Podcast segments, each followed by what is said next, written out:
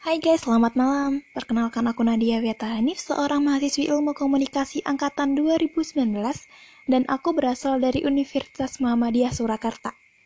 Nah, jadi pada podcast kali ini aku bakal jelasin nih tentang segmentasi, targeting, positioning, formatting, dan programming dalam suatu penyiaran. Serta podcast kali ini juga untuk memenuhi suatu ujian akhir semester mata kuliah pengantar penyiaran. Kalau gitu kita langsung aja masuk dalam pembahasannya. Let's begin.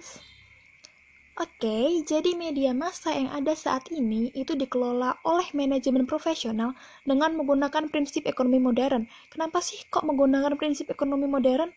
Karena dengan hal ini akan menjamin media massa dapat bertahan di tengah persaingan media yang semakin ketat. Lalu, prinsip yang aku sebutin di awal tadi seperti segmentasi, targeting, dan positioning itu menjadi suatu kunci mendasar dalam pengelolaan suatu manajemen media secara profesional. Segmentasi sendiri bisa diartikan seperti suatu strategi untuk memahami struktur pada halayak. Targeting bisa diartikan sebagai target halayak, yaitu persoalan bagaimana kita memilih, menyeleksi, dan menjangkau halayak. Setelah halayak dipilih, lalu bagaimana sih kita melakukan positioning? yaitu bagaimana strategi yang akan kita lakukan untuk memasuki otak para konsumen.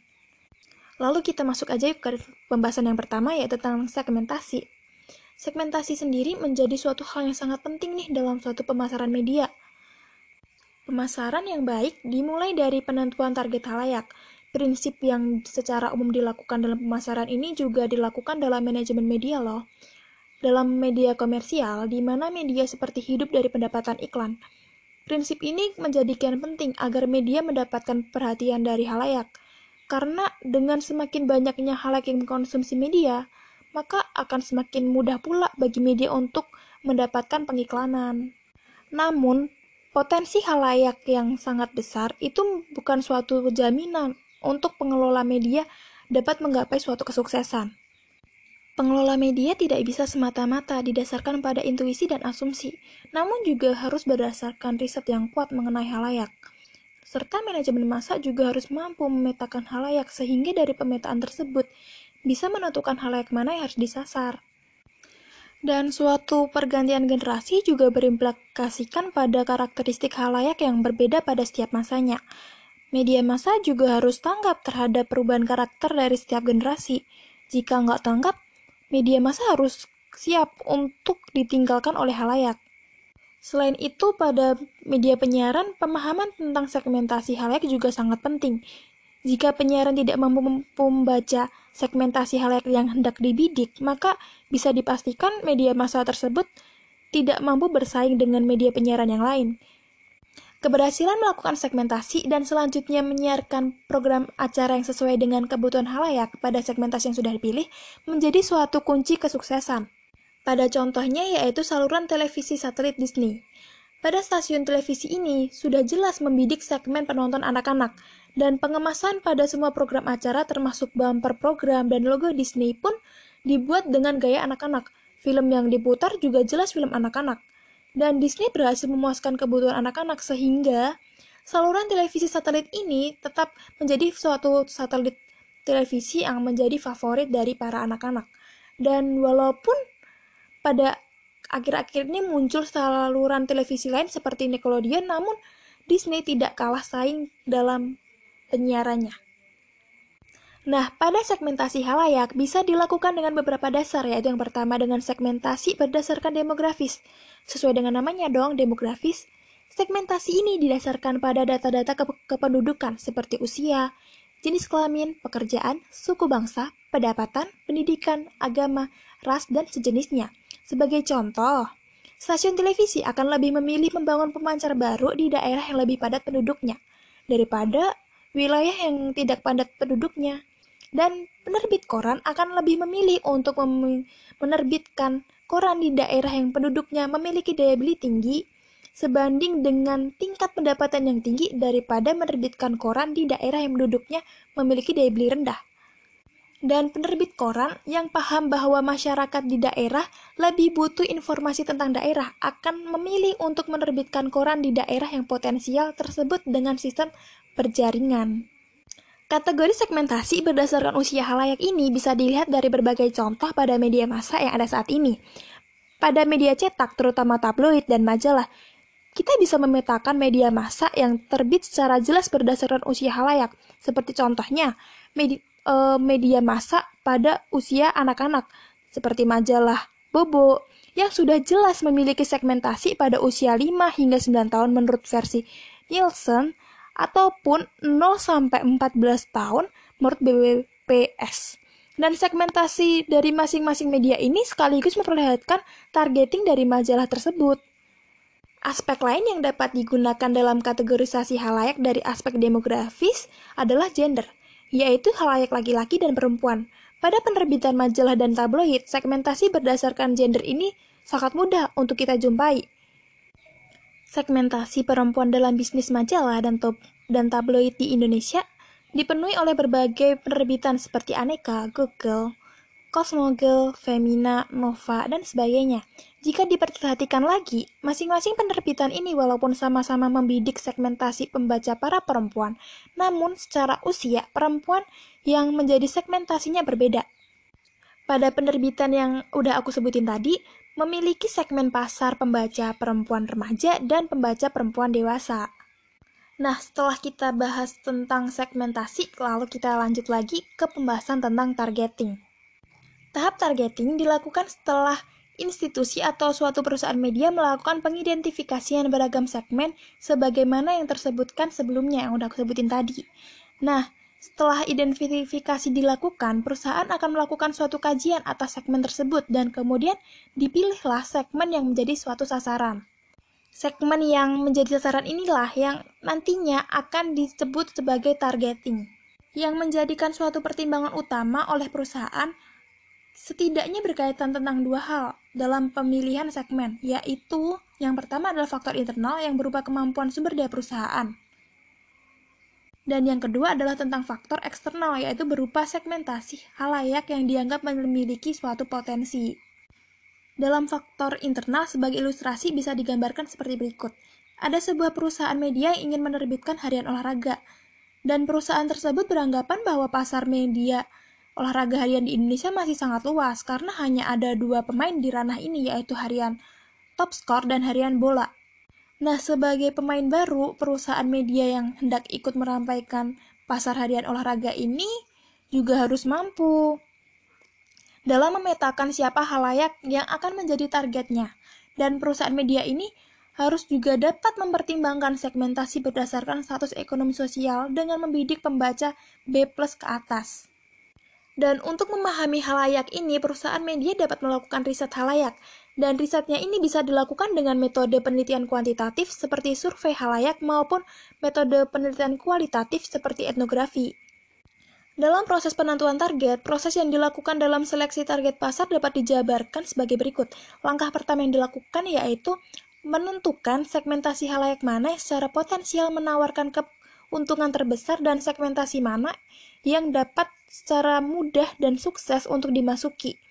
Lalu perusahaan mendesain satu atau lebih segmen halayak yang akan ditetapkan sebagai satu, par satu target pasar dengan memilih salah satu dari lima model targeting yang ada. Lalu kita masuk ke materi berikutnya yaitu tentang positioning media. Nah, pada tahun 1990-an dan beberapa tahun sesudah dekade ini, para anak muda di Indonesia lebih menyukai tentang stasiun televisi. Dan saat ditanyai, pasti mereka menjawabnya hampir seragam yaitu MTV yaitu Music Television. Sebuah saluran televisi satelit yang juga disiarkan melalui terestrial Global TV.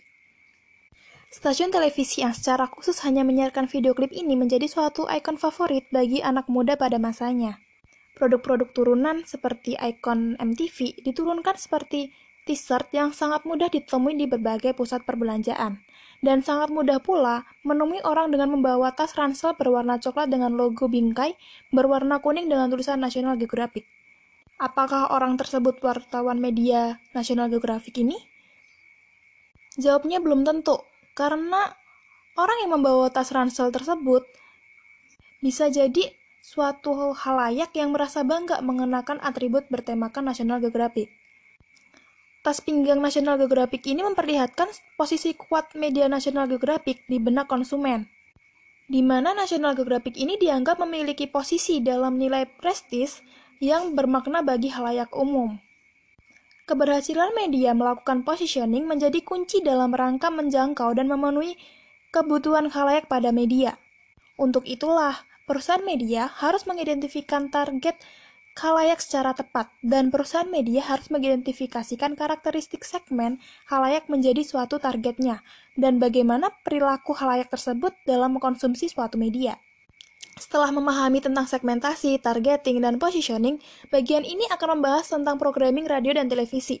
Persoalan tentang programming sudah disinggung pada bagian sebelumnya. Bagian ini akan mengeksplorasi lebih dalam lagi tentang programming dalam suatu kegiatan manajemen radio dan televisi. Dalam suatu kegiatan programming, yang paling penting adalah tujuan dari programming tersebut sudah disusun. Di tingkat lokal, segmentasi radio semakin spesifik seperti radio GCD di Yogyakarta, yang khususnya untuk memutar radio tentang lagu campur sari dan dangdut. Hal ini sudah sangat jauh seperti tidak seperti televisi pada umumnya, dan investasi dan biaya produksi serta siaran radio pada radio pun nggak sebesar pada stasiun televisi, sehingga stasiun radio dapat mendapatkan keuntungan profit dengan menyasar segmen audiens yang lebih spesifik lagi. Ada dua tujuan dasar dalam programming radio, yaitu yang pertama adalah tujuan secara bersifat lokal. Tujuan ini juga berkaitan dengan bagaimana radio menjalin interaksi dengan para pendengar di sekitarnya. Contoh menariknya yaitu dari stasiun radio yang sukses menjalin interaksi dengan para pendengarnya adalah Radio Suara Surabaya. Pada radio ini melibatkan pendengarnya sebagai model jurnalisme warga mengenai kabar lalu lintas di kota Surabaya. Para pendengar akan menginformasikan melalui telepon dan media sosial untuk memberitahu keadaan lalu lintas di kota Surabaya. Jika ada kemacetan, Audiens yang sedang melihat atau terjebak macet akan memberi kabar ke stasiun radio ini, sedangkan audiens yang lain, terutama yang sedang berada di jalan dan membutuhkan informasi ini, dapat mendengarkan suara Surabaya ketika berada di jalan. Serta, verifikasi atas laporan audiens terjadi ketika informasi disiarkan oleh penyiar radio. Tujuan kedua programming adalah mood tertentu dari siaran radio. Di radio musik merupakan latar yang dapat mempengaruhi bagaimana aktivitas audiens. Untuk itulah, suara penyiar dan juga musik harus disesuaikan dengan audiens sebagai menjadi suatu segmentasi radio yang bersangkutan.